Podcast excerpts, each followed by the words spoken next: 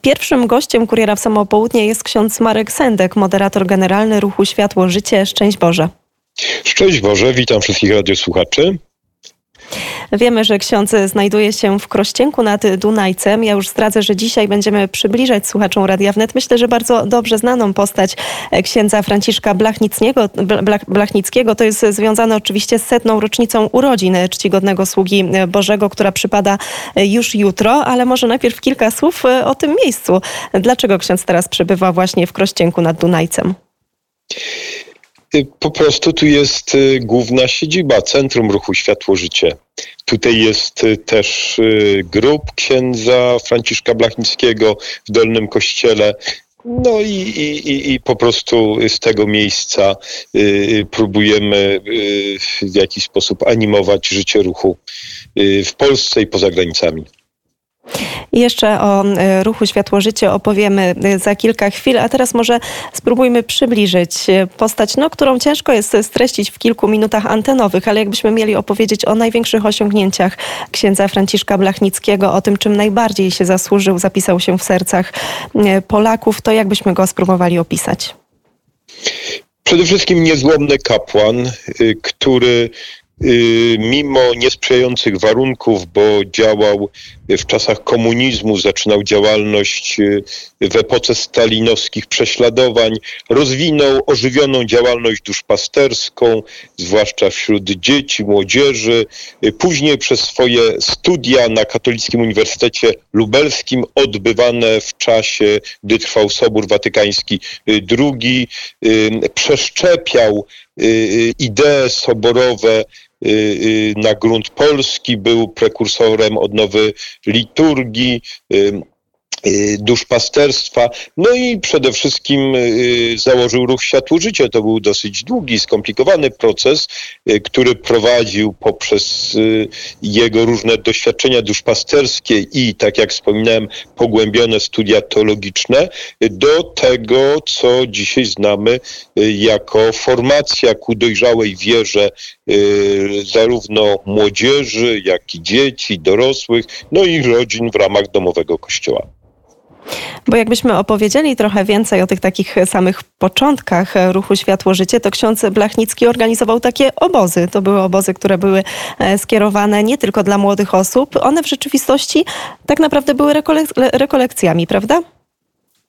Tak, on wyszedł y, od y, właściwie rekolekcji y, nieudanych, jego zdaniem, takich tradycyjnych, gdzie kapłan naucza, a duża grupa dzieci szkolnych słucha.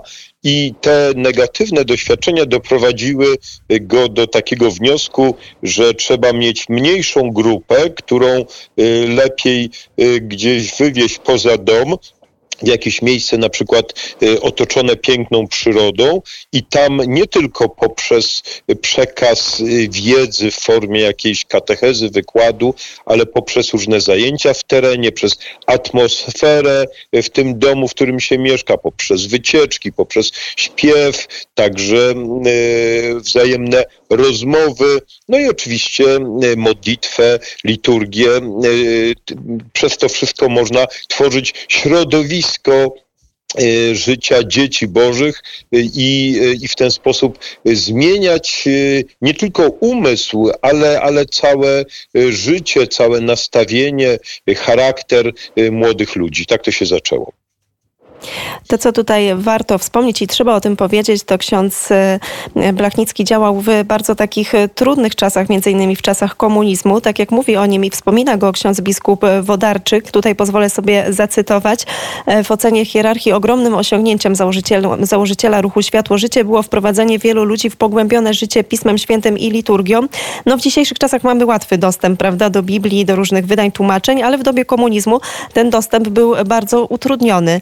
To udawało Oczywiście. się właśnie tak. I tutaj, I tutaj może kilka słów na temat tego, że ksiądz Franciszek Blachnicki e, właśnie w tych trudnych e, czasach działał, e, bardzo dobrze sobie radził, no i pomagał wielu osobom.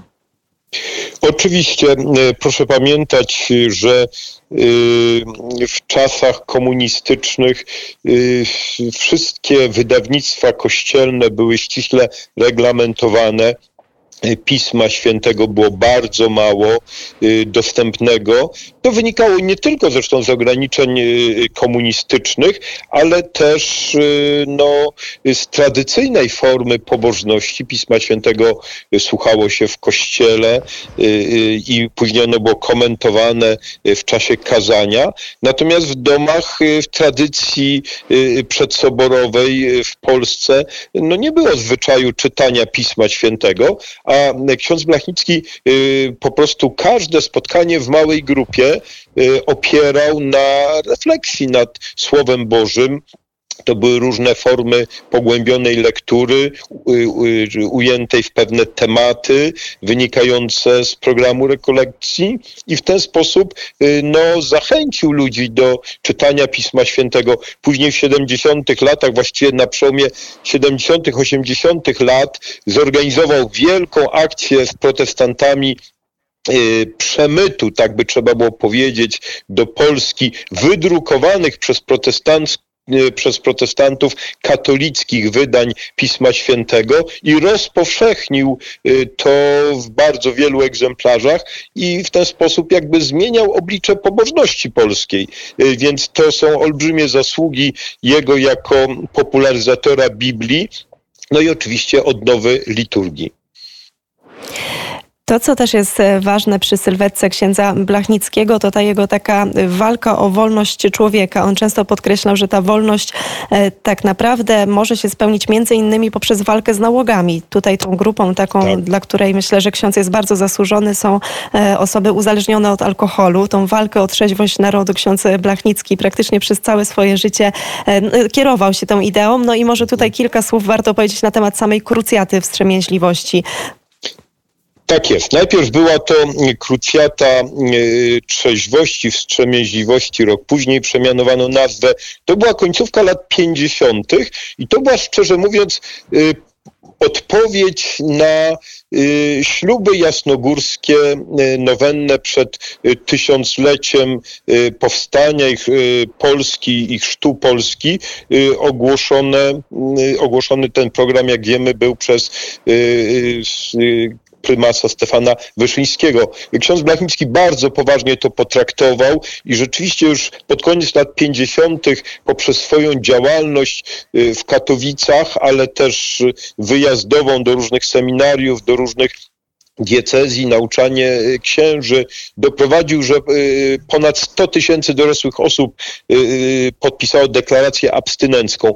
Później to zostało brutalnie przez władze przerwane w 1960 roku zarekwirowano mu y, wszystkie y, pisma, y, zniszczono centralę krucjaty wstrzemięźliwości, jego uwięziono na kilka miesięcy, nawet w więzieniu i potem powrócił do tej idei w 1979 roku po wyborze Jana Pawła II tworząc krucjatę wyzwolenia człowieka, e, która miała być wprost odpowiedzią na apel papieża wygłoszony do Polaków podczas pierwszej audiencji zaraz po wyborze, żeby Polacy przeciwstawiali się wszystkiemu, e, co, co ich niszczy, co, co niszczy byt narodu. I odpowiedzią na to księdza Blachnickiego była krucjata wyzwolenia człowieka, która znów swoim zasięgiem obejma, obejmowała obejmowała setki tysięcy i obejmuje, bo to dzieło ciągle trwa, setki tysięcy, a może, y, a może nawet y, y, trzeba by już mówić, że przekroczyła milion właśnie swoich członków. No właśnie, powiedział ksiądz tutaj, że ciągle trwa i to jest ten ważny moment, żeby zapytać się o to, jak to jest być kolejnym już następcą księdza Blachnickiego, no i jakie są dzisiaj najważniejsze wyzwania, najważniejsze zadania dla członków ruchu Światło Życie. No właśnie, to jest niełatwe e, zadanie, na pewno przerastające e, moje siły e, i, i każdego z następców księdza Blachnickiego myślę również, bo, bo to był człowiek o niesamowicie szerokich horyzontach i y, oczywiście on działał w innej epoce, sądzę, że gdyby dzisiaj żył, działał, to ruch Światło Życie by miał zupełnie inne formy działania niż przed laty, no bo tworzyły się różne możliwości, bo można publikować różne rzeczy, można tworzyć radio, telewizję, można przez internet prowadzić ewangelizację, formację i sądzę, że on by te wszystkie metody próbował wykorzystać, zwłaszcza, że był bardzo uwrażliwiony, to też jest ważny aspekt jego, jego życia, na no, po prostu działalność społeczną zmierzającą do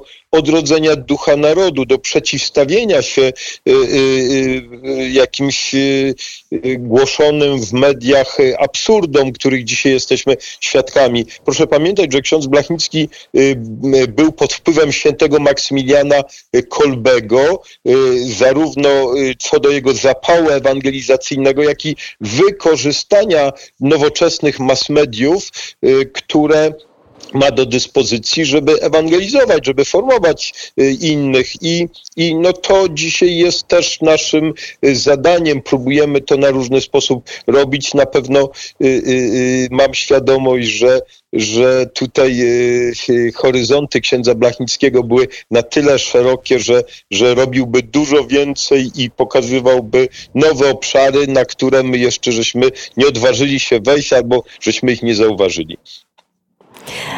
Ja myślę, że ksiądz radzi sobie z tym równie doskonale. Bardzo serdecznie dziękujemy za przybliżenie sylwetki księdza Franciszka Blachnickiego.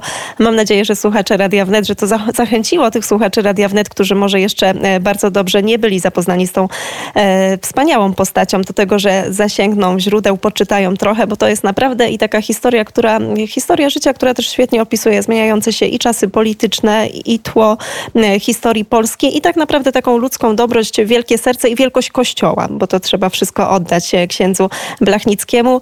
Ksiądz Marek Sendek, moderator generalny ruchu Światło Życie, był gościem Kuriera Samopołudnie. Bóg zapłać. Bóg zapłać, bardzo dziękuję również.